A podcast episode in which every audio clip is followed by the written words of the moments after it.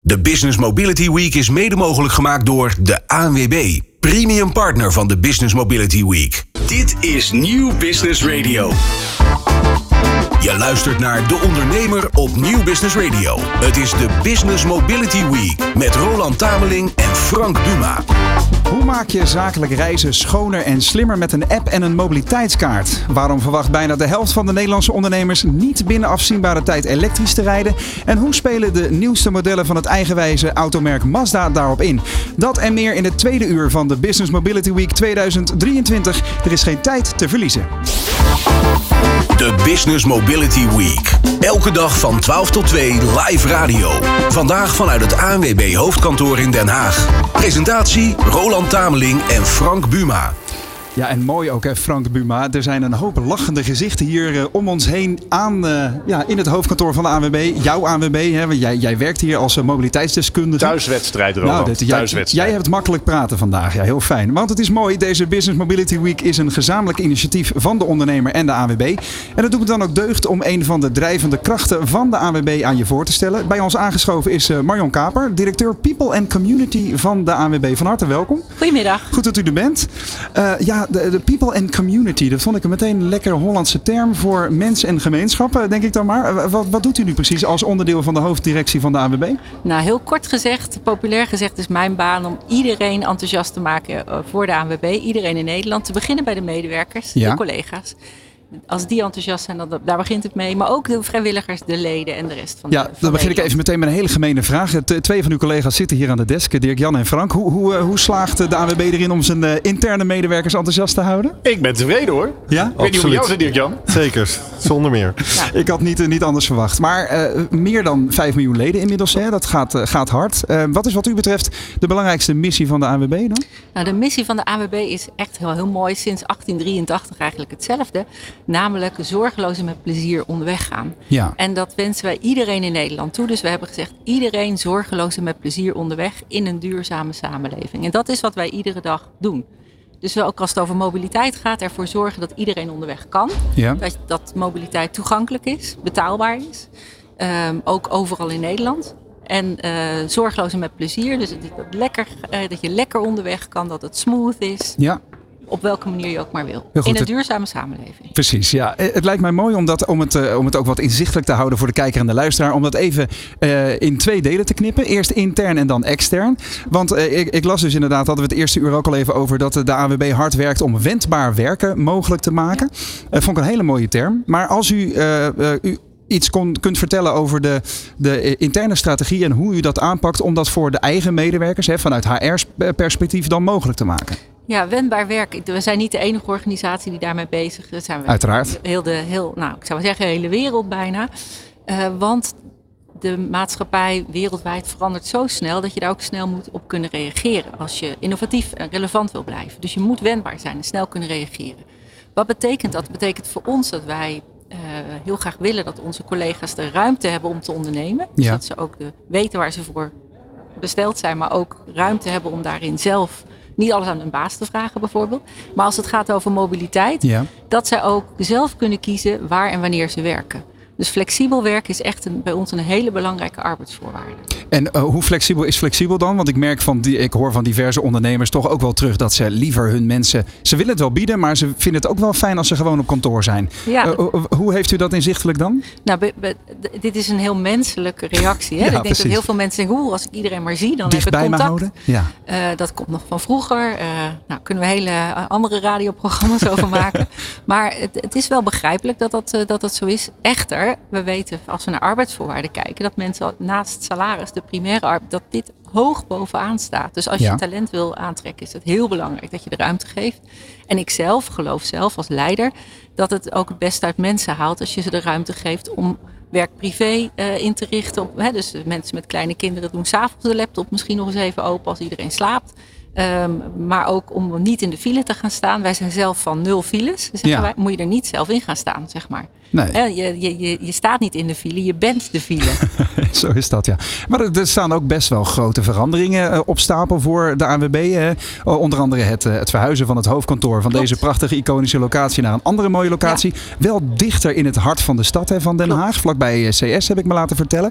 Um, wat heeft dat dan voor gevolgen en hoe neemt u alle medewerkers mee in die, in die verandering? Ja, nou, we gaan dit, deze plek natuurlijk wel een beetje met een traan verlaten. Want zoals u ziet is dit echt, ja, voor de mensen die op de radio kan je het niet zien, maar we zitten in een monument. Ja. De rotonde heet die niet voor niks en dat is een echt, een, nou, die blijft ook bestaan. Er wordt iets moois van gemaakt. Maar wij als organisatie willen ook graag in de hart, het hart van de samenleving zitten. En hier heel eerlijk, aan de ene kant een park, aan de andere kant een woonwijk. Uh, je kan wat meer midden in de, in de samenleving. En waar wij naartoe gaan, zitten we vlak ook bij het OV. Tussen twee grote intercity stations, aan de metro, uh, de sneltram. Uh, dus dat maakt ook mogelijk dat wij meer duurzame mobiliteit ook aan onze medewerkers kunnen aanbieden. Dat betekent dus ook dat de auto langzaam maar zeker wordt uitgefaseerd, ja, zou wij zijn, stellen. Ja, wij zijn een mobiliteitsclub. En ja. uh, de auto is een heel belangrijk onderdeel daarvan. Uh, bij 70% van het verkeer in Nederland is met de auto. Ja. En van woon-werkverkeer ietsje minder, maar ook tussen de 60 en 70%.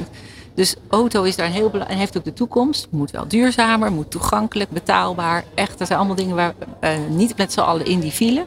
Ja, dus betere spreiding. Vandaar ook dat wij zeggen spitsmeiden zijn we voor. Ja. Um, ook als ANWB zeggen we voor betalen voor gebruik. Zijn we inmiddels ook echt voor. Omdat we denken dat we daar de goede mobiliteit van krijgen. Um, maar uh, de auto is belangrijk. En uh, alleen als je het kan voorkomen. Als je kan zorgen dat mensen ook uh, met de trein of met de tram kunnen komen. Of op de fiets. Ja. De zakelijke doelgroep is natuurlijk ook heel belangrijk voor zowel de ANWB als voor de ondernemer. Uh, wat kan de luisteraar of de kijker van deze show nou van de ANWB leren? Nou, uh, ondernemers zitten gemiddeld meer op de weg. Zakelijk verkeer is meer dan de consument. Dat is een heel, heel belangrijk onderdeel uh, van het, het verkeer in Nederland. Wij zijn er ook echt voor iedereen, dus ook voor de zakelijke rijders. Daarnaast is het ook belangrijk om te weten dat mensen die zakelijk verkeer hebben, zijn ook gewoon consumenten. Die gaan in het weekend ook gewoon uh, op uh, visite. Hè? Dus mhm. het is, het is ook niet helemaal iets heel anders. Het is allemaal gewoon gedrag van mensen. Waarbij wij ons wel realiseren dat als je voor je werk afhankelijk bent van verkeer, dan moet dat ook, uh, moet dat ook zorgeloos en met plezier zijn. Dus wat kunnen ze van ons verwachten? Dat wij ervoor, dat wij ervoor zorgen dat, er, um, dat automobiliteit en, en ook Maas, Mobility as a Service, dat, dat goed ontwikkeld wordt de komende jaren. En dat ondernemers daar gebruik van kunnen maken. Oké, dus het zit dan uh, vooral in, ook in de, in de lobbykracht van de AWB, dat ze dicht naar uitvoerende or organisaties en instanties zitten. In de lobby, we doen veel achter de schermen om ervoor te zorgen dat, dat, het, dat Nederland eerlijk en uh, betaalbaar is. Ja. Maar ook in producten en diensten. Denk aan private lease. Denk aan de wegenwacht voor je, voor je zakelijke rijders. Dus we hebben producten voor de individuele klanten. En we doen voor de community, hè, voor de maatschappij, achter de schermen zoveel mogelijk. Heel goed. Uh, Frank, het laatste, laatste vraag is aan jou. Zou jij nog iets aan, aan de, een van de directieleden van jouw club uh, willen vragen? Nou, niet zozeer vragen, eh, Marion, maar ik vind het bijvoorbeeld leuk. Hè? We hadden het over intern en extern. Ja. Dat er voor medewerkers van de ANWB ook echt uh, er wordt gestimuleerd om de fiets te nemen. Ja. Uh, een elektrische auto te kopen. Er is sprake van een, financiële prikkel. Dat mag ik toch wel zeggen. Ja, dat klopt. Wij uh, we hebben een mobiliteitsbeleid waar we ook een prijs mee hebben gewonnen voor onze eigen medewerkers. En dat is onder andere omdat het heel modern is. Wij, bij ons kun je geld verdienen door te wandelen naar je werk, door te, door te fietsen naar je werk en zo je fiets bijvoorbeeld terug te verdienen. Ja, dat en dat is dus aantrekkelijker dan een autokilometer. Ja, nou, dit, is in het, dit zijn nou van die praktische tips waar de uh, andere ondernemers van Nederland ook wat aan kunnen. Ik, uh, ik wil u hartelijk danken voor uh, een korte komst even naar de studio. Maar toch heel fijn dat we u even hebben mogen spreken. Marion Kaper, directeur People and Community van de ANWB. Je luistert naar De Ondernemer op Nieuw Business Radio. Het is de Business Mobility Week. Met Roland Tameling en Frank Buma. Bij een uh, duurzaam en uh, modern mobiliteitsbeleid komen steeds meer regels en cijfers kijken. Wat dat betreft, Frank, ben ik af en toe wel heel erg blij dat ik gewoon een ZZP'ertje ben. Zonder allemaal andere mensen om rekening mee te houden. Want als je zeker in een wat groter bedrijf zit, dan heb je zoveel zaken om, uh, om in de gaten te houden. Welke collega reist op welke manier? Wie krijgt een reiskostenvergoeding? Wie werkt er thuis vandaag? En hoeveel CO2 stoten al die mensen eigenlijk uit tijdens hun trips? En hoe communiceer ik dat naar de overheid? Ik krijg er nu al warm van. Maar gelukkig is er een partij die ondernemers met deze vraagstukken kan helpen. Ik kijk op dit moment naar eh, Klaas-Pieter Roemeling, directeur van Shuttle. Klaas-Pieter, van harte welkom terug in de Business Mobility Week. Vorig jaar was je er ook. Um, nog even snel een, een, een power patch over wat Shuttle uh, doet voor ondernemers in Nederland. Dankjewel, uh, Robert. shuttle. Ehm, wij helpen werkgevers, hun werknemers schone, duurzame en slimmer te reizen. Wij helpen hun uh, duurzaam mobiliteitsbeleid te ontwikkelen en nemen dat daarna helemaal uit handen zonder dat de administratieve lasten te, uh, toenemen. Ja.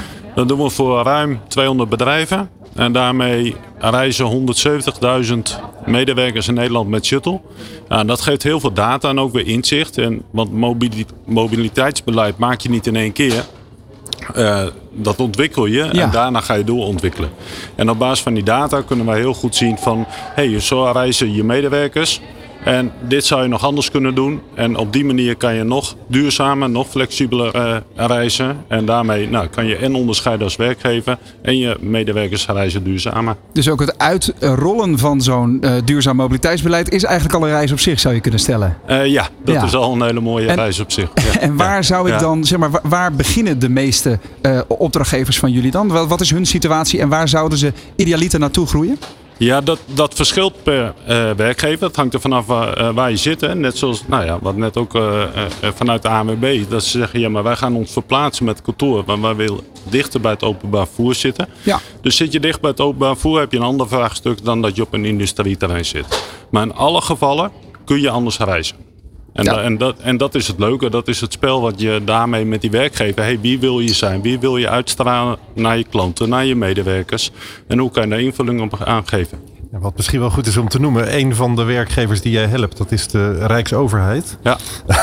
Net een uh, grote gunning gewonnen en dat uh, mag best benoemd worden, want dat zijn hoeveel? 120.000? Uh... Ja, dat zijn uh, bijna 130.000 medewerkers. dus alle Rijksambtenaren reizen komende acht jaar weer met shuttle. En dat is, nou, een contract winnen is, is al knap, maar hem nog een keer mogen houden dan, en mogen doen, dat is, nou, ja. zijn we wat trots op. Goede toevoeging, Dirk-Jan, inderdaad. Want ja dan, dan mag je ook wel een. Uh, ja, je hebt in ieder geval recht van spreken, zullen maar zeggen. En zo'n grote club dan, hè? Want we, we, we hebben het natuurlijk over uh, eh, MKB'ers met uh, pakken beter 10 mensen of 50 mensen. bedrijven die groter zijn dan 100, dan begint er al een heel ander adagium te gelden. Maar voor zo'n grote partij, hoe, hoe kleed je dat dan in? Nou, A is dan aanbestedingen. In die aanbesteding moet je alle vragen beantwoorden van hoe kun je het mobiliteitsbeleid het beste vormgeven voor de Rijksoverheid. Ja. Uh, daar, en dat is al een traject van, uh, van maanden om dat uh, te ontwikkelen voor hen. En daarna op het moment na gunning, ja, dan ga je dan wekenlang, en weken, eigenlijk maandenlang, ga je eigenlijk per ministerie weer kijken hoe kunnen we hier invulling aan geven. En het ene ministerie heeft daarin ook wel andere wensen dan de andere. Ja. Nou, en dat maakt het uh, een heel interactief uh, traject. Klaas-Pieter, als je dan zo'n contract mag doorzetten, nog eens acht jaar, krijg je dan ook een terugkoppeling waarom ze je dat gunnen? Zijn ze ergens expliciet tevreden over en vertellen ze je dat ook? Nou, aan de ene kant, het is een aanbesteding, dus je hebt evenveel kans als een andere partij dat, uh, dat heeft. Maar je krijgt wel heel duidelijk terug, ook de partijen die niet hebben gewonnen waarin je onderscheidend was en waarin je ook verbeterpunten had kunnen hebben. Nou, voor de draad ermee. Waarin waren jullie onderscheidend? je bent zo lekker subtiel, Frank. Je kan er wel aan wennen. Heel goed. nou, ik denk uh, als je naar de scores kijkt, eigenlijk op alle terreinen dat we goed scoren.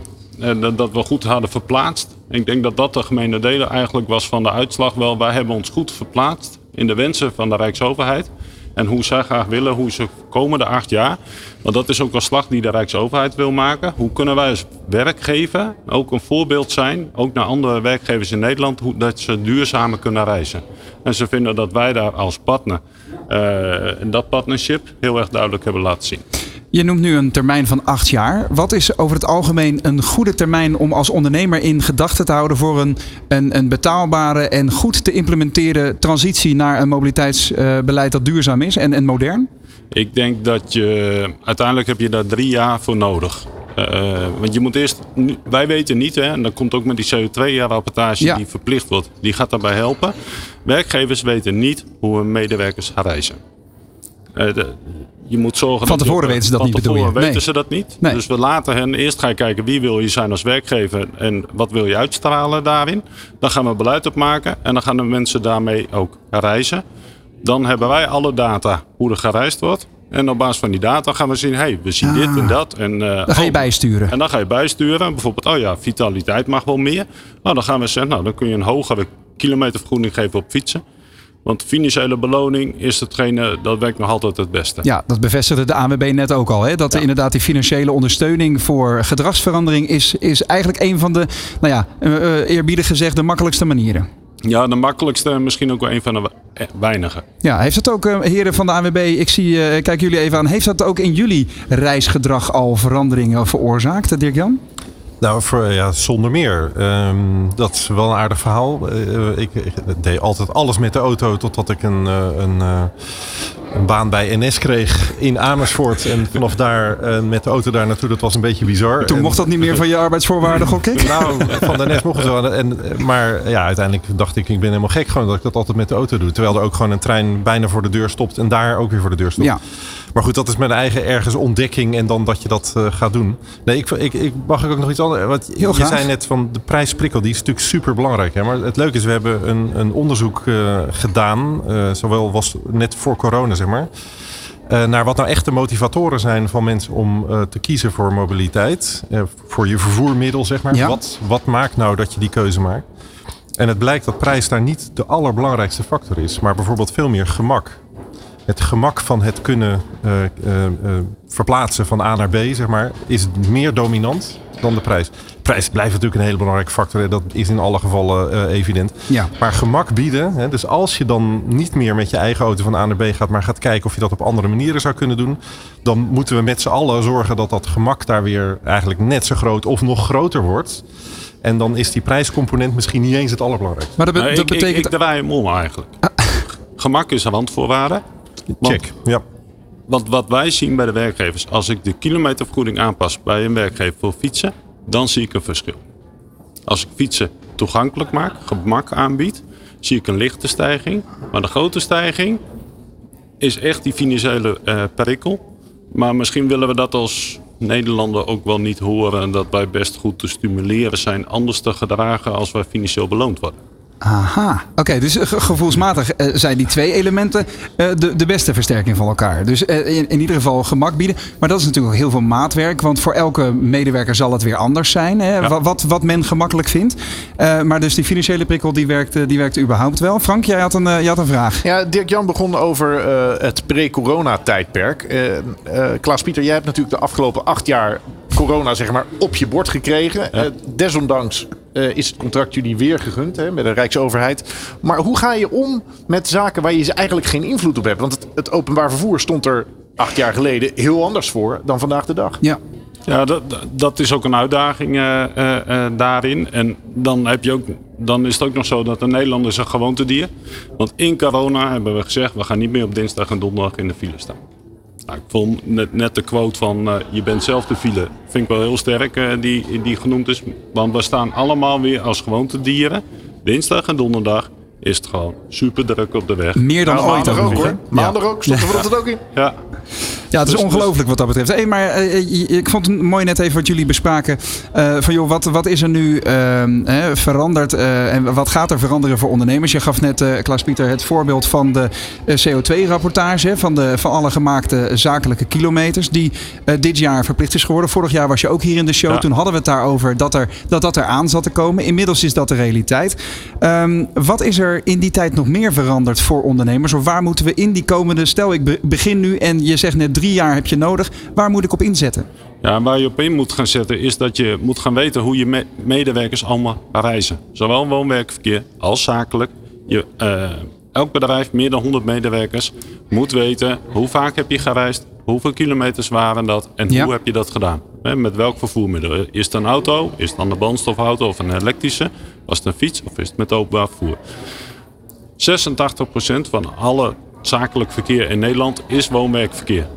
Dat is juist hetgeen waarvan eigenlijk werkgevers het minste weten hoe er gereisd wordt. Ja, En juist nou, daarmee moet je aan de gang, want vanaf 1 januari is het verplicht. Het is door de Tweede Kamer, het is besloten.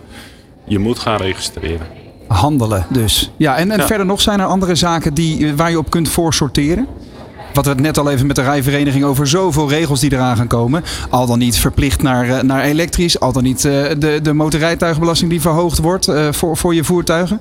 Ja, en, en wat je daarin ziet, de, de meeste tijd kost eigenlijk ook ontwikkel mobiliteitsbeleid in je bedrijf. Dus begin daar nu eigenlijk al mee. Ja, wat je beleid straks wilt zijn. Hè? Want de implementatie is, is, is twee, maar het ontwikkelen is eigenlijk één. Dus ga al heel vroeg, nu eigenlijk al met je team, met je mensen of met HR in gesprek van hoe zou ons beleid eruit moeten zien. Want hij komt er gewoon aan. Wij moeten 15% besparen op zakelijk reizen als werkgevers, uh, werkgevers Nederland. Ja. Dus die 15% doelstelling komt. Die is nu nog vrijwillig door vast te leggen en bewustwording uh, creëren.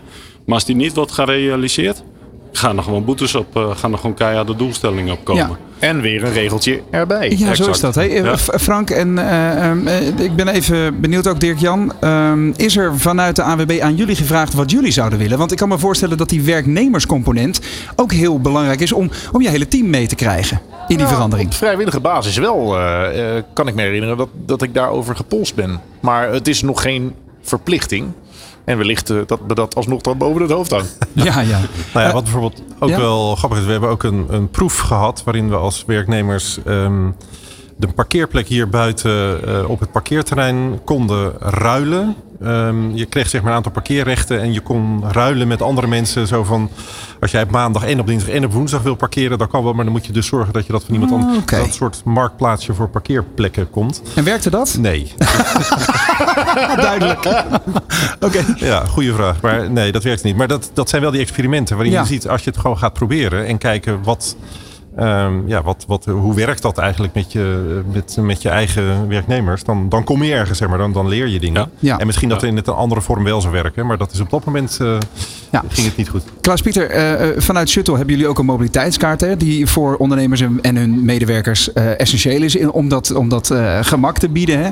Ehm, zie je daar ten opzichte van vorig jaar bijvoorbeeld ook, maar ook over de komende tijd nog ontwikkelingen die dat reizen van A naar B makkelijker maken? Uh, ja, die ontwikkelingen zien we. Uh, alles gaat straks naar de telefoon. Ja. Dat, uh, en, en, en daar helpt de techniek mee. Afgelopen jaar is natuurlijk OV-kaart in principe overbodig geworden, zou je kunnen stellen? Ja, die, je kan nu als consument, kan je met, in 70% van de treinstations kun je met je wallet kan ja. je in- en uitchecken. Ja. Zakelijk heb je daar nog niet veel aan, want dan is de BTW, heb je, die, die data daarachter, die is nog niet beschikbaar. En uh, dat komt waarschijnlijk over een jaar. En dan kan je je BTW ook terugkrijgen. En dan heb je ook, ook voor die CO2-rapportage, moet, moet je weten hoe er gereisd is. En waar, vandaan, waar naartoe. Ja. En die data heb je nu nog niet. Uh, is nu nog niet beschikbaar. Die komt over een jaar. En op het moment dat zo is, dan kan je ook openbaar vervoer uh, eigenlijk via je telefoon doen. En dan is de kaart puur als middel nog. Nou, kan dat handig zijn. De meeste werkgevers zeggen: we willen hem ernaast houden, want als je telefoon leeg is. Precies wil je toch door het poortje. Was dit ook de nuance die jij wilde inbouwen, Dirk-Jan? Want na mijn vorige vraag zag ik jou meteen een beetje zo, zo kijken van... nou, Tameling, dat is niet helemaal de werkelijkheid die je nu voorspiegelt? Of? Wat was die vorige vraag? nou, in de zin van dat de, de OV-chipkaart afgelopen jaar overbodig is geworden. Oh, ja. uh, in veel gevallen. Want je kan gewoon inderdaad met je Apple Pay of je wallet uh, uh, van, van de modaliteiten gebruik maken. Nou, hoe lang hebben we vandaag? Nog een drie kwartier. Ja, het, of het dossier OV-kaart of OV-pas als dat ding, het, of OVP zoals dat ding tegenwoordig heet. Ja. Um, dat is een, een, omvangrijk dossier. Maar in essentie komt erop neer dat je nu gewoon ook met je bankpas kunt in- en uitchecken. Dat is natuurlijk een enorme vergemakkelijking. Hè? Er was heel veel bezwaar bij heel veel mensen om dat je altijd een OV-kaart moet hebben om in de trein te kunnen. En dat hoeft nu niet meer. Je nee. kunt gewoon met je bankpas, ABN AMRO of ING, whatever, kun je gewoon de trein in. Waarvan heel veel gebruikers zeiden, hè hè, dat is handig. Waarom heeft het zo lang geduurd? En als ik jou, Klaas Pieter, een beetje zo hoor, dan gaan we, gaan we dat de komende jaren nog veel meer krijgen. Hè? Ja, dat gaan we veel meer uh, krijgen. Ja. Maar eh, waarom niet eerder? De andere kant, we zijn een van de weinige landen in de wereld wat je met één pasje in altijd open, openbaar vervoer uh, kan doen. Ga Ja. jij dat maar eens doen in Duitsland? Uh, veel succes. Heel goed. Ik vond het fijn uh, om even deze update te krijgen vanuit Shuttle. Ook we hebben jouw collega Bart Horsman uh, woensdag als co-host. Hè. Die, uh, daar gaan we het hebben over inderdaad al die verschillende alternatieve vervoersvormen. Daar gaan we er twee uur lang over doorpraten. Uh, dankjewel uh, Klaas Pieter voor deze gedaan. update vanuit uh, uh, jouw rol als directeur van Shuttle. De Business Mobility Week. Elke dag van 12 tot 2 live radio. Vandaag vanuit het ANWB hoofdkantoor in Den Haag. Presentatie Roland Tameling en Frank Buma. Ja, Frank, uh, kan jij je nog herinneren dat ik jou afgelopen week een filmpje stuurde toen ik uh, elektrisch door Rotterdam zoefde afgelopen week?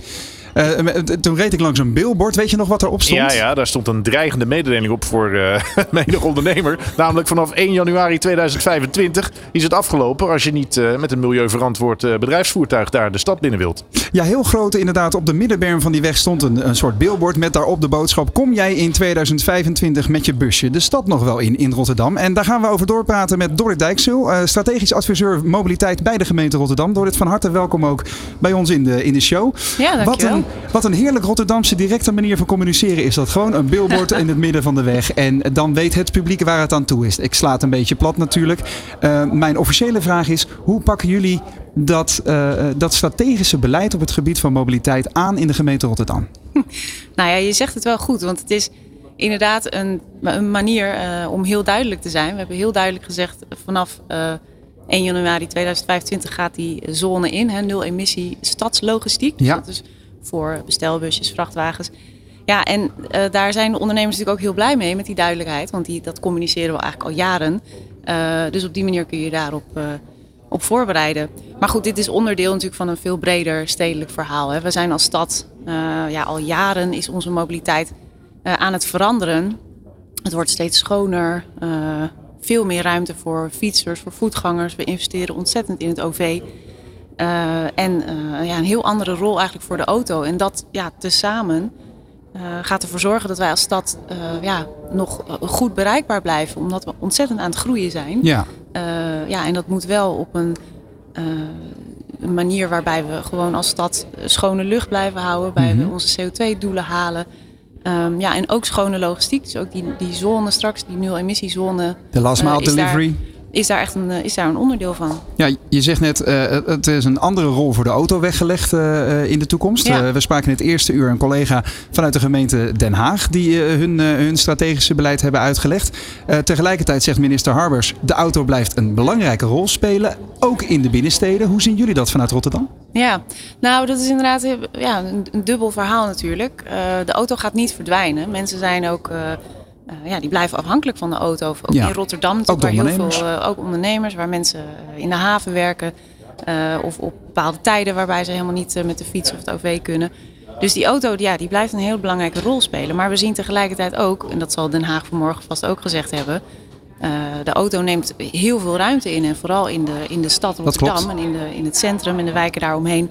Ja, zien we nu dat het ontzettend knelt. de auto die daar rijdt, de stilstaande geparkeerde auto's. Um, en dat past allemaal niet meer. We hebben een enorme woningbouwopgave. En als dat er allemaal bij moet, ja, dan moeten we echt anders met die auto uh, omgaan. Dus we, zijn, ja, we werken nu ook aan een, een autoluw-agenda, een programma Autoluw. Uh, waarbij ja, met name in die binnenstad en de wijken daaromheen um, de auto een, een, ja, eigenlijk een andere rol op straat krijgt. Ja. Een beetje net als in Amsterdam, dat je niet meer door het centrum uh, zou mogen. Ja, nou uh, inderdaad, Amsterdam die heeft uh, recentelijk een heel circulatieplan uh, gepresenteerd. Wij werken ook aan, aan een, een, circulatieplan. Um, maar wat we bijvoorbeeld in Rotterdam vooral zien, is dat de auto daar in de binnenstad gebruikt wordt voor hele korte ritten. Dus korte ritten van soms korter dan, dan drie kilometer. Nou ja, dat zijn vaak ritten voor mensen die ook prima een alternatief hebben en die op de fiets kunnen. Dus we, moeten, we zorgen ervoor dat we die alternatieven, dus de fiets, de tram, uh, ontzettend goed faciliteren. En dat dat dus echt een aantrekkelijk alternatief wordt. En je niet voor zo'n superkorte rit de auto pakt. Ik hoor ontzettend goed faciliteren. Dat is ook een beetje een subjectief uh, ding natuurlijk. Ja. Wat, wat, wat, vinden jullie dan uh, supergoed faciliteren? Nou, we investeren, ja, dus we investeren flink in, uh, in onze fietsinfrastructuur, maar ook in hoogwaardig openbaar vervoer. er komen de komende jaren, zoals jullie al uh, waarschijnlijk weten, in, in Rotterdam komt er een, uh, over een aantal jaar een nieuwe stadsbrug die er ook voor gaat zorgen ja. dat het, het, hoogwaardig openbaar vervoer eigenlijk een hele nieuwe dimensie krijgt in de stad. Um, deelmobiliteit. Dus ja. En natuurlijk deelmobiliteit. Ja, dat is ook iets wat we uh, op dit moment ja, vanzelf zien groeien. Er is een enorme vraag naar de deelscooters bijvoorbeeld in Rotterdam. we moeten er wel voor zorgen dat dat netjes, ja, netjes groeit en dat het niet een rommeltje op straat wordt. Um, maar wel met als doel dat het uh, gewoon een aantrekkelijke uh, buitenruimte wordt. Uh, waarin ja, ruimte is voor iedereen. En ja, dat, zien, we, dat zien we natuurlijk ook gebeuren. We zijn momenteel ook heel veel straten en pleinen en boulevards in Rotterdam aan het herinrichten. Nou, de Koolsingel is er natuurlijk een geweldig voorbeeld van. Waarbij ja, al die modaliteiten wel een plekje hebben. De auto ook, dus de auto is daar niet weg. Mhm. maar die heeft wel een heel andere, andere rol. Uh, Dorit, jullie werken ook samen hè, met, met een automerk BMW. Jullie hebben een aantal pilots gedaan. Kun je een voorbeeld van zo'n pilot noemen? Ja, klopt. we werken inderdaad al een aantal jaar samen met, met BMW. Ontzettend leuk, want die willen natuurlijk ook leren van ja, wat is dan nog de auto eh, van de toekomst in de stad? Wat is de, wat is de toekomst van de auto in de stad? Um, ja, een pilot waar we bijvoorbeeld op dit moment mee bezig zijn is, uh, dat heet Charge and Repark. en daarbij kijken we hoe we gebruikers van, van elektrische auto's kunnen stimuleren om hun auto te verplaatsen als die is opgeladen. Want dat is natuurlijk nu al een, een probleem wat veel mensen kennen, het laadpaalkleven. En hoe kun je nou bestuurders een beetje stimuleren en met wat voor soort stimulansen kun je ervoor zorgen dat ze ook daadwerkelijk die auto verplaatsen als die vol is. Wat zijn de belangrijkste lessen van dat soort pilots? Zijn er dan echt een soort aha-momenten? nou, een belangrijke les is toch wel dat het, het menselijk gedrag moeilijk te beïnvloeden is. Daar is hij weer. Ja. dat is misschien wel een cliché. Um, maar uh, ja, we krijgen op deze manier wel veel meer uh, feeling bij wat de triggers zijn voor die automobilisten. Want dat zijn toch gewoon gewoontedieren. Ja, natuurlijk. Uh, om, hun, om hun gedrag aan te passen. Wat zijn die triggers dan? Eerder trokken we de conclusie dat een financiële prikkel vaak fijn is. Wat zien jullie dan naar boven komen? Ja. Wat, wat wel werkt? Um, nou, op dit moment zien we dat. eigenlijk toch het, het onderbreken van dat automatisme. We hebben bijvoorbeeld ook een, een pilot gedaan bij automobilisten om te kijken hoe ze zich aan de snelheid houden in de auto en wat voor boodschappen je in car kunt laten zien. Ja. En of ze daar dan ook daadwerkelijk hun snelheid op aanpassen. Nou, en daar is toch belangrijk dat je dat, ja, dat automatisme van dat rijgedrag onderbreekt. Bijvoorbeeld met een, ja, met een boodschap of met een geluidssignaal. Um, dus dat is wel een, een, een les. En we weten ook dat mensen vaak gevoelig zijn voor gedragverandering als ze een grote levensverandering ondergaan. Dus als ze bijvoorbeeld verhuizen. Ja.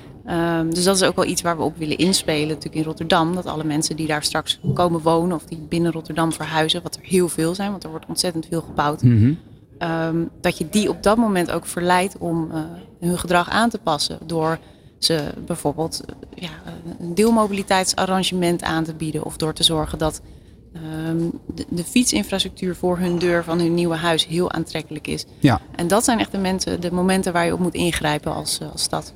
Nou maken we deze Business Mobility Week natuurlijk uh, voor ondernemers. Hè? En Rotterdam is bij uitstek de stad van de opgestroopte mouwen, zou je kunnen zeggen. Hoe zorgen jullie nou dat de uh, ondernemer van Nederland zich nog welkom voelt in de stad en denkt, ja, ik wil ook nog steeds klanten in de Maastad uh, omarmen? Ja, ja. Nou, we zijn momenteel zijn, lopen een aantal best wel succesvolle platforms. Het eentje, eentje daarvan is platform Logistiek 010. Um, dat is eigenlijk allemaal in aanloop naar die nul-emissiezone waar we het net over hadden in, in 2025. Maar en daarbij hebben ontzettend veel Rotterdamse bedrijven zich uh, aangesloten. En die werken daarbij dus ook samen om zich voor te bereiden op die, uh, ja, op die nul-emissiezone straks. En wij als gemeente uh, nou, bieden dus ook advies aan, heel individuele adviesgesprekken voor al die ondernemers. Um, om ze te helpen bij, dat, bij die omslag naar een nul-emissie-vervoer. Ja. Um, en dat, nou, dat is ontzettend succesvol. Daarbij uh, lopen we als Rotterdam echt uh, voorop. Dus samenwerken is essentieel, begrijp ik. Ja, ja, en daarnaast is er ook in Rotterdam, dat vind ik ook iets heel moois, de Klimaatalliantie Duurzame Mobiliteit. Zijn eh, een aantal heel grote bedrijven, inmiddels bijna 60 grote corporates. Vertegenwoordigen bij elkaar bijna 100.000 werknemers. En die hebben zich ook verenigd en gezegd: wij willen ervoor gaan zorgen dat onze ja, de mobiliteit van onze werknemers uh, duurzamer wordt en zoveel mogelijk naar nul emissie gaat. Ja. Um, en heb ook een, convenant ondertekend daarbij. Uh, gezamenlijk uh, ja, delen ze daarbij ook kennis en wisselen ze uit hoe ze. maar dat zijn waarschijnlijk vooral grotere ondernemers, denk ik. Klopt, ja, ja, dat zijn inderdaad grotere ondernemers. Um, maar tegelijk werken we ook nu aan een ja, benadering voor de kleinere ondernemers die natuurlijk ook, zoals jullie vast wel weten, vanaf 2024 hun CO2 uh, moeten gaan registreren. Ja. Um, nou, die adviseren we ook um, heel erg actief benaderen we die om, ja, om, om ze te helpen en, en te zoeken naar oplossingen voor hun zakelijke mobiliteit. Heel goed, heel goed. laten we nog eens eventjes, want die grote ondernemingen hebben we dan gehad. Laten we tot slot eventjes terugpraten naar de vraag die op die billboard stond. Hè. En die spreekt toch de wat kleinere ondernemer aan. Heel direct met je aangesproken ook. De vraag was, kom jij in 2025 met je busje de stad Rotterdam nog in? Wanneer wel en wanneer niet? Ja. Door dit. nou ja, de, kan ik een heel slim antwoord op geven. Ga even naar uh, logistiek010.nl. Ja. Daar staat allemaal heel uitgebreid uh, te lezen. Want dat verschilt natuurlijk ook heel erg welke voertuigklasse uh, dat is. En nou, er zijn ook slimme overgangsregelingen en subsidieregelingen. Um, dus ik heb daar niet nu een eenduidig antwoord op. Maar nee, er is maar ja, informatie over te vinden. Dat is ook een antwoord. Er is voor de mobiliteit van de komende jaren geen eenduidig antwoord. Zo simpel is het ook, hè? Ja. ja. Hartelijk goed. Uh, hartelijk dankjewel uh, voor deze, deze uitleg namens de gemeente Rotterdam. Door het Dijksel, strategisch adviseur mobiliteit bij de gemeente Rotterdam. De Business Mobility Week. Elke dag van 12 tot 2 live radio. Vandaag vanuit het ANWB hoofdkantoor in Den Haag. Presentatie Roland Tameling en Frank Buma. Ja, het is een eh, fijne potpourri van onderwerpen, mag je wel stellen vandaag. Het is weer tijd om naar buiten te gaan en kennis te maken met een voertuig dat interessant is voor ondernemers. Uh, Frank, jij staat uh, op dit moment weer voor de deur van het hoofdkantoor van de ANWB. Naast een nogal dik uitgevoerde Mazda. Hè? Wat is daar het verhaal achter, grote vriend? Ja, dat ga ik je allemaal vertellen. En misschien wel aardig om even voor de beeldvorming. Hè. Eigenlijk is dit zo aan de voorkant hier een soort mini-oprijlaan met een behoorlijke hellingshoek. En ja, daar staat nu ook een auto met een grandeur. Nou, als je deze als ondernemer rijdt, dan heb je het wel gemaakt. En naast die auto staat Marieke Bandje, PR-manager bij Mazda Motor Nederland. Uh, Marieke, dit is jullie CX-60 en dat is niet alleen een imposante auto om te zien. Nee, dat klopt. Uh, is imposant natuurlijk aan de buitenkant qua exterieur, ook qua interieur en ook qua techniek. Het is echt een vlaggenschip voor Mazda. Uh, het is de eerste plug-in hybrid die we op de markt brengen. Een prachtige auto met 327 uh, pk. En ja, inmiddels ook best wel een succes in Nederland. Want de rijder die inmiddels al best wel wat rond. De versie die ik hier heb meegenomen is de Takumi.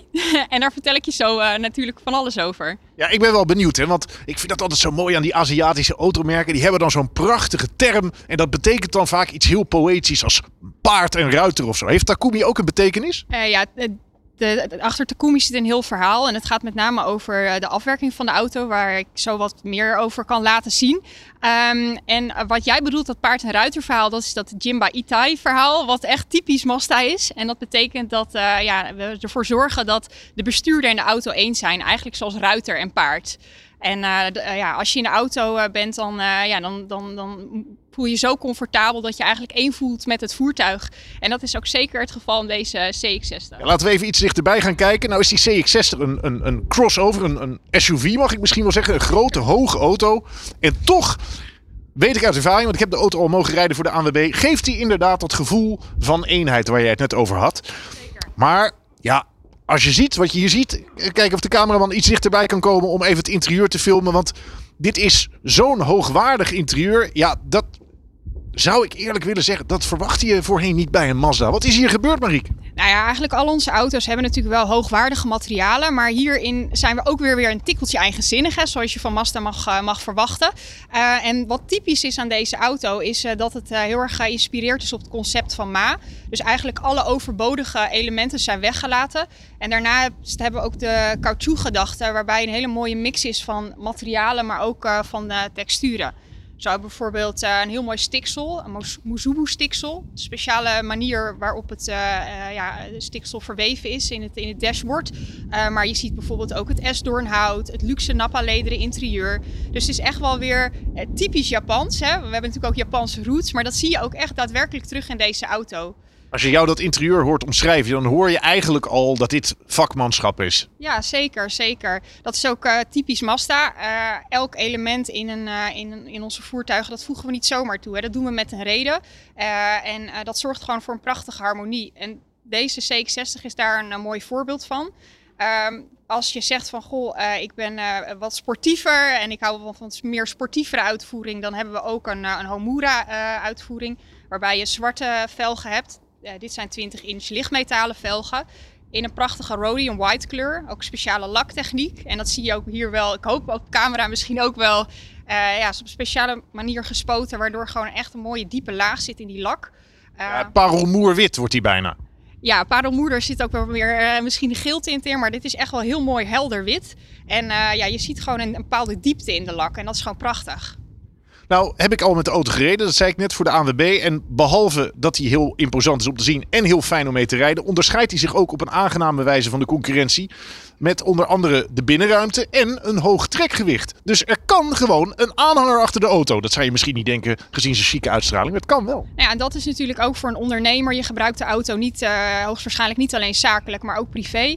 En deze uh, SUV mag uh, maar liefst 2500 kilo trekken. Dus ja, mocht je een paardentrailer hebben of graag een, een, boot erachter willen hangen of misschien een caravan, dan is zo'n CX-60 ook uitstekende auto om, om te gebruiken. Helemaal in een land als Nederland, waarin trekkracht toch ook wel heel erg belangrijk is voor auto's.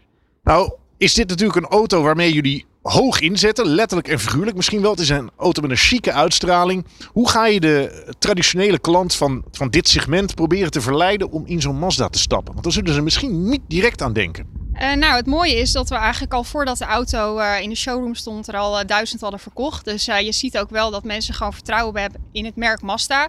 Um, en um, ja, het is gewoon net een stap hoger dan de, dan de Stakes 5 als je het hebt over ruimte. Um, en ik denk ook dat het uh, een, ja, een gunstige auto is uh, om, om in te rijden. Uh, als je ja, net iets, iets ruimer wil rijden, toch plug-in hybrid, ook je kilometers elektrisch wil maken. Tot 63 kilometer kan je elektrisch rijden met deze auto als die vol is opgeladen. Dus ja, het is gewoon een ultieme combinatie tegen een relatief gunstig bedrag. Ja, precies. Want wat kost die? Wat is de vanafprijs? Uh, de vanafprijs is uh, 53.190 euro. En dat is inclusief uh, kostenrijk klaarmaken en eh, BTW. En ook inclusief die plug-in hybride aandrijflijn. Want ik heb begrepen dat er ook nog gewoon een diesel komt. Nou, de diesel komt helaas niet naar Nederland. Ja, is, zoals je weet is de diesel niet echt een populair model in Nederland. Dus we verkopen, verkopen dat niet in, hier in Nederland. We hebben enkel en alleen de plug-in hybrid. We komen wel nog met een benzinemotor. Uh, en ook die is dan weer ja, schoon en, uh, en zo zuinig mogelijk ontwikkeld. Nou is dit, je zei het al, het vlaggenschip van jullie modellenreeks vooralsnog. Nou zie je vaak bij die vlaggenschepen dat de techniek uit die auto's, die vindt dan zijn weg naar andere modellen uit de line-up. Is dat denkbaar voor Mazda in de toekomst? Dat jullie die plug-in hybride aandrijflijn ook gaan aanbieden op bijvoorbeeld de CX-5 die je net al aangaf? Nou, dat is niet uitgesloten. Nou hebben we onlangs de CX-5 vernieuwd met een uh, hybrid uh, uitvoering. Dus uh, voor komend jaar niet. Maar ja, zeg nooit nooit. En we blijven, we, we, zitten bij Mazda niet stil. En we zijn een eigenzinnig merk. Dus we blijven door innoveren. En dat zie je ook ja, bij al onze modellen. Maar of we met de CX-5 met een plug-in hybrid komen, dat kan ik nog niet zeggen. Maar we hebben op dit moment mooi, wel een mooie mild hybrid uitvoering. Ja, precies. Elektrische rijondersteuning gaat een steeds belangrijkere rol krijgen bij Mazda. En jullie doen dat weer op je eigenzinnige manier. Daar gaat Roland over binnen, eh, binnen over verder praten. Ja, dat mag je wel stellen, Frank. Want de nieuwe CX-60 van een dikke auto is dat. Is een van de manieren waarop het Japanse automerk Mazda dus het verschil wil maken in een uitpuilende leasemarkt. En die automaker heeft een lekker eigenwijze aanpak, zoals we net hebben gehoord. En daar kun je als ondernemer dus verrassend veel uh, je voordeel mee doen. En Art Zweet uh, weet er alles van. Want uh, Art, welkom ook aan de desk. Marieke heeft Dankjewel. net het, het verhaal bij de auto gedaan. En we gaan hier nog even doorpraten over jullie anders dan anders aanpak. Jij bent accountmanager Fleet Sales Leasing en Rental bij Mazda Motor Nederland. Klopt helemaal. Kun jij even duiden wat jullie aanpak is? Want die is dus anders dan anders. Ja, we proberen het anders dan anders uh, te doen. Uh, dat kan ook. We zijn een relatief kleine speler uh, op de Europese markt. Ja. Dat was nog, daar even specifiek naar mag ver, verwijzen. we moeten ook wel, als je kijkt in de afgelopen jaar, 2022, zijn er ongeveer 150.000 zakelijke auto's geregistreerd. 70% daarvan wordt zakelijk geleased. Dat percentage is stabiel over de afgelopen jaren. Ja. Een op de vier auto's daarvan was een, uh, was een EV. Dat is ook stabiel. We zagen ook 2020, 2021 en 2022 dus. 1 op de vier zakelijke leaseauto's is een, een elektrische auto. Ons aanbod is relatief klein eh, qua elektrische auto's op dit moment. Daar gaat Mazda wel in de toekomst eh, meer in eh, opschakelen. Maar dat betekent dus dat wij ons voor 75% richten op die klant die dus op dit moment nog geen volledige EV uh, Ja, want dat gevoel kun je wel eens hebben. Dat het alleen maar gaat over elektrische auto's. En dat dat het belangrijkste is om je om te omarmen. Want als je dat niet doet, dan loop je niet goed mee in de muziek voor de toekomst. Ja. Maar de realiteit laat ook zien. En zelfs ook met die, met die bijtellingsregels die op elektrische auto's nu weer zijn veranderd ten opzichte van een paar jaar geleden. Ja. Het, het, uh, de financiële prikkel waar we het eerder over hadden, wordt minder interessant voor volledig elektrische auto's. En je ziet de markt à la minuut reageren. Want het aantal plug-in hybrides en laten we zeggen normale verbrandingsvoertuigen is weer aan het stabiliseren. Dat klopt. Ja. Dus dat, en daar profiteren wij gelukkig van op dit moment. Was Marieke heeft aangegeven onlangs de CX-60 geïntroduceerd. Ja. Als PHEV, de MX-30 uh, PHEV. En niet te vergeten, bezigment wou ik even kort op, uh, op, uh, op inzoomen. Ja, dat is zo'n lekkere marktterm. Die kennen wij, hè Frank. Wij, wij zeggen, oh, dat zijn compacte autootjes. Een Mazda 2 in dit geval inderdaad.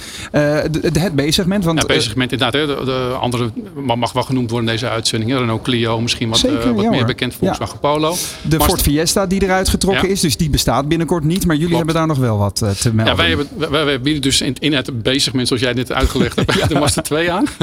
voor de zoveelste keer bezigment in deze, in deze uitzending. Ja, heel goed. Heel goed. Um, sowieso, wij, Mazda is, is, uniek, want wij bieden nog steeds in vrijwel alle segmenten bieden wij uh, producten. Laten we ook zeker onze Mazda MX-5 uh, niet vergeten. Geen zakelijke auto, maar wel privé en een hele, hele leuke auto. Meteen een glimlach, een open roadster, tweezittertje, fantastisch. Ja. Maar terug naar, terug naar het, het, het B-segment. Je ziet dat ondernemers worstelen met hun keuze op het moment dat men auto's zoekt in het B-segment. In het mhm. verleden kon je nog onder de 20.000 euro kon je een B-segment uh, auto kopen. Kun je niet vergeten. Dat betekent dat mensen die nu een bezig met auto rijden en ja, aanbod wordt kleiner en de ondernemer heeft wellicht de keuze van ja, ik wil toch naar, meer naar EV toe. Nou, een hele simpele rekensom. Hè. Dat is voor die ondernemer complex. Want uh, fiscale bijten is belangrijk voor de medewerker zelf. Ja. Te vergeten, de leaseprijs is heel belangrijk voor de ondernemer zelf. Nou, maak je dan een rekensom. Als je bijvoorbeeld kijkt naar onze Mazda 2. Die begint met de fiscale waarde van 20.300 euro. Als je dat vermenigvuldigt met 22% bijtelling. kom je uit op een bedrag van 4500 euro bruto bijtelling. Mm Dat betekent, als je dat correleert aan een EV-auto. Dat je een EV kunt uitkiezen die niet duurder is dan 28.000 euro. Ja. Hè, met, met de huidige uh, van... Dan heb je heel weinig keuze, kan heb je, weinig keuze. Ja. En, want we weten, tot 30.000 euro krijg je 16% bijtelling. Daarboven word je 22% aangeslagen. Ja. Dat is één factor. Daarnaast zien we natuurlijk ook hè, de, de wegenbelasting, de, de motor, motorrijtuigenbelasting. Die wordt nu nog gekort voor de elektrische auto's. Ja. Vanaf 2025 ga je 75%, uh, sorry, word je nog maar voor 75% gekort. En de plannen zoals ze nu zijn, dat je vanaf 2026 100% voor je, bijt, voor je motortegenbelasting aangeslagen wordt. En dan dus rij je in een zwaardere auto? Die nee, een zwaardere auto. maar... Over het algemeen is een EV ook een zwaardere, een, een, een zwaardere auto. Dus we zijn succesvol in het, in het B-segment. Ja. Wat we dus nog steeds auto's kunnen bieden met een relatief lage fiscale waarde. Goede TCO, wat zich weer uit, uiteindelijk uitdrukt in een, in een, in een laag leaseprijs. Ja, als je meeschrijft total cost of ownership, dus het volledige uh, bedrag dat je betaalt voor het, het hebben en het rijden van je auto. Ja, klopt. Ja. En afgelopen jaar hebben we gewoon hele leuke successen geboekt in het bezig met vooral bij zorginstellingen, ICT-bedrijven. Kies heel bewust voor, een, uh, voor ook een, een, keer een ander model dan de meeste bezig met auto's die we rond zien. En die zetten de Mazda 2 dan in hun fleet zo? Die zetten de Mazda 2 in hun fleet zo, ja. in hun, in hun fleet. In. Ja, maar Art, welke oh, Mazda 2 is dat dan? Want jullie hebben er tegenwoordig, heel toepasselijk, twee. We hebben er twee, dat klopt. Ja, zeg maar één heb je, dan krijg je er twee. Nee, is flauwekul. um, dan, heb ik het, dan heb ik het over on, eigenlijk beide modellen. We hebben, we hebben ook samenwerking met het merk Toyota. Daar is de Mazda 2 uh, uh, Hybrid uit voortgekomen. De andere die ik bedoel is onze tussen aanleidingstekens eigen Mazda 2 met een CO2-uitstoot van 107 gram. En het rekenvoorbeeld wat je net gaf? Dat is gebaseerd op de Mazda 2 met 107 gram. Dus, dus die stap met 20.300 euro. Okay. Nou, dat is een volledige handgeschakelde benzineauto. Conventioneel, vier cilinders. Zie je ook niet zo heel veel meer in bezig moment. Nee. Dus uh, gewoon een hele betrouwbare auto. En je ziet hier inderdaad veel rijden uh, voor de, bijvoorbeeld uitzendbedrijven hebben ook die, die auto's uh, nu, nu rijden. Hè? Uitzendbedrijven, zorginstellingen, wat ja, ik aangaf, ja. ICT-bedrijven. Ja, is echt, echt gefocust op dit segment. Hey, wat mij ook opviel toen ik wist dat jullie te gast waren hier in de show, dan ben ik natuurlijk even aan het rondvragen. Ten eerste, mijn, mijn wijk hier niet ver vandaan in Rijswijk staat helemaal afgeladen met CX-5'tjes werkelijk. Die, die oh, auto is oh, natuurlijk... Oh, CX-5'en. Uh, neem me niet kwalijk. ja, maar het is een... Zeg nooit jus. Wordt er zijn veel gemaakte fout in automotive, nooit jus. maar waar, waar ligt de grens dan, Art? Bij CX-30 jus? Of dat nee, mag nee, nee, nooit. nooit, nee, nooit. Maar het is toch, ik, ik, bedoel het meer als een soort van, uh, bijna een soort geuzenterm. CX-5'en, neem me niet kwalijk. Ik ben, ik, I stand corrected. um, maar dat zijn inderdaad auto's die, uh, die, die mensen vanwege de looks kopen en vanwege de betrouwbaarheid en vanwege ja. dat het gewoon echt erg lekker rijdt. En je ziet ook alle le leeftijden erin. Hè? Mensen die net kinderen hebben Klopt. of mensen die uh, geen ja. kinderen meer in huis hebben wonen. Ja. Uh, het is ook zo'n auto waarmee je een groot deel van de markt beslaat. Klopt. Nou, eigenlijk zeg ik al van de CX-5 is een soort van uh, tussen aanleidingstekens allemans vriend. Ja. Wordt door oudere mensen ingezet. Heel veel caravanrijders. We, we onderscheiden zich met, met ons merk Mazda heel vaak op trekgewicht. Hè. De CX-5 heeft een trekgewicht van 2000 kilogram.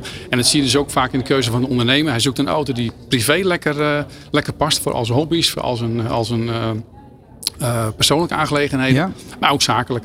Dus Hoe rij je zelf eigenlijk? Reis je zelf eigenlijk van en naar je werk? Is dat allemaal auto of niet? Ja, ik, rij, ik woon in de Achterhoek. En daar is men nog niet zo volledig goed geoutilleerd qua trams of andere systemen.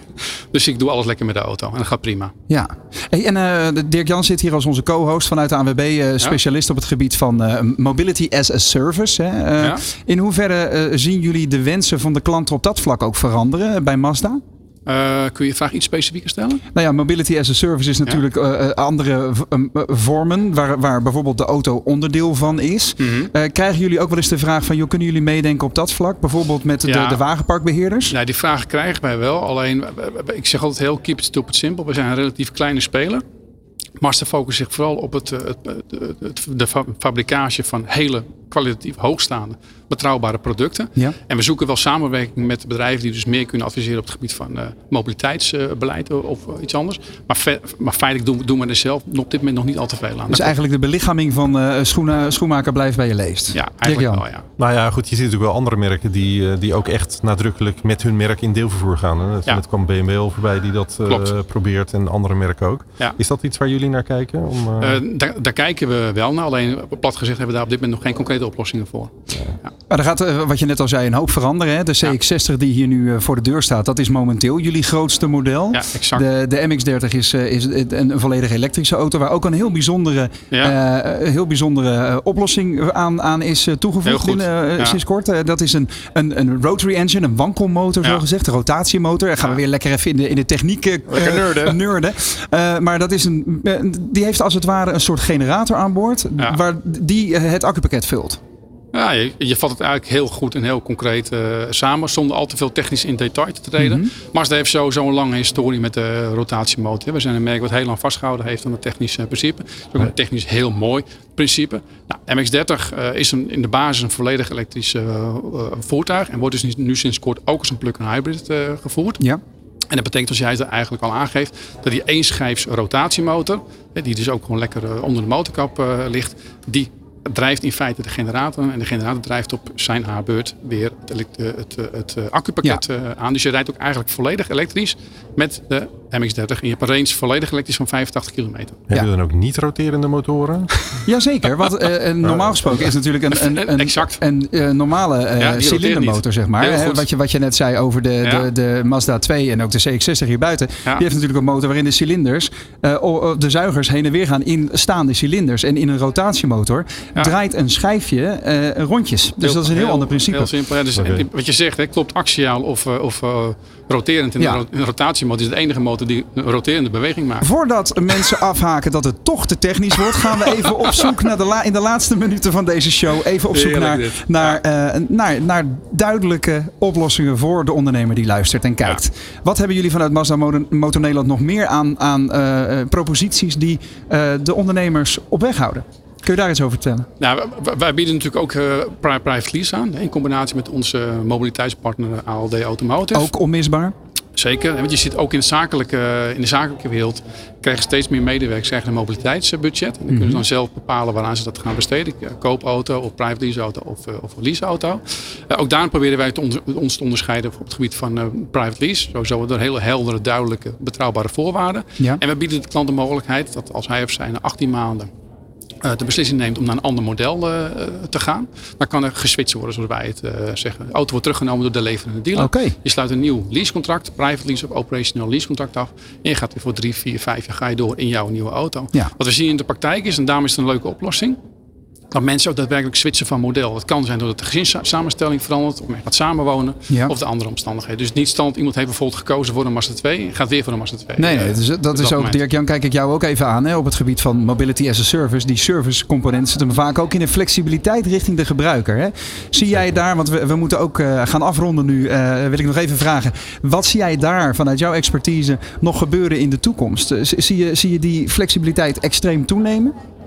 Ja, die gaat enorm toenemen. Ja. Ik denk dat in het digitale tijdperk, zeg maar, de digitalisering van de samenleving ja. gaat enorm veel impact nog hebben. Heeft het al, maar gaat nog veel meer hebben. En die gaat op allerlei fronten zorgen dat we allerlei diensten veel makkelijker kunnen afnemen. En gedigitaliseerd kunnen kiezen wat, waar, wanneer en hoe. Ja. Waardoor je, en, dat, en dat, daar zijn we nog lang niet. Daar gaan we nog heel veel in ontdekken en het klantgerichter maken. Dus dat is echt dat is gaande. En Art, wat is het antwoord op die ontwikkeling vanuit Mazda Motor Nederland dan? Ja, eigenlijk kan ik op dit moment eigenlijk geen echt concreet antwoord op geven, als ik heel eerlijk ben. Maar je zit wel mee in die ontwikkelingen en je houdt de vinger aan de pols. Net als wat je zei van ja, we, we, we hebben oplossingen voor elektrisch rijden bijvoorbeeld. maar we hebben vooral nog oplossingen die in de praktijk heel relevant en nuttig zijn. Dat klopt. ja. ja. Ja, ben ik toch grotendeels jouw verhaal aan het vertellen. Dat hadden we niet afgesproken. Hè? Frank, eh, tot slot heb jij nog een, eh, een uitsmijter voor deze eerste twee uur Business Mobility Week richting Mazda? Nou, ik vind dat die oh, richting Mazda. Nou, ik dacht eigenlijk eer overkoepelend, want we hebben twee uur lang radio gemaakt. Ja? En wat je daarin toch vooral proeft, is dat het heel goed is dat we deze week organiseren. Voor de tweede keer al uh, op rij. want ja, er zijn verschillende krachten die op elkaar inwerken. Aan de ene kant heb je natuurlijk de gemeentes. We hebben er twee aan tafel gehad die echt, het is zijn menens. Er wordt nu doorgepakt. Den Haag en Rotterdam, die maken geen geintjes meer. Maar tegelijkertijd zie je dat die ondernemer ja, soms sommige dingen gewoon niet weet. En in ieder geval afwachtend is. Want ja, het kost allemaal geld, het moet allemaal betaald. En wellicht eh, komt er nog een handreiking vanuit de overheid. Dus goed om hier nog een paar dagen over verder te praten, Roland. Ik heb goed nieuws voor je. Dat gaan we doen, hè? onder andere. Ja. Morgen tot en met vrijdag inderdaad. Ook van, eh, van 12 tot 2 eh, live op Nieuw Business Radio. Deondernemer.nl en YouTube. Art Zweet vanuit Masamoto Nederland nog één laatste vraag. Ehm, wanneer kunnen wij de CE X80 gaan ah, bewonderen? Ik, wist dat je met deze ik vraag. Zag je eh, popelen. ik wist dat je met deze vraag eh, zou komen. Eh, wanneer de auto staat gepland uh, om, qua introductie in Europa eind van dit jaar. het wordt onze nieuw flagship. De auto wordt echt significant groter ten opzichte van de huidige CX60. Zal in beginsel uitgerust worden met dezelfde motor en dezelfde aandrijving. Oftewel de plug-in hybrid met all-wheel drive. Kijk. Eind dit nou. jaar staat hij. De plug is compleet en zo is het ook met de eerste twee uur Business Mobility Week vanuit het AWB hoofdkantoor hier in Den Haag. Ik dank onze co-host Dirk-Jan de Haan, expert op het gebied van Mobility as a Service, voor zijn bijdrage. Je had hele nuttige vragen, dankjewel daarvoor. Graag en dan kijken naar de overkant van de desk. Frank Buma, wij zien elkaar morgen vanuit Hilversum. Deze uitzending werd mede mogelijk gemaakt door de ANWB, premium partner van de Business Mobility Week.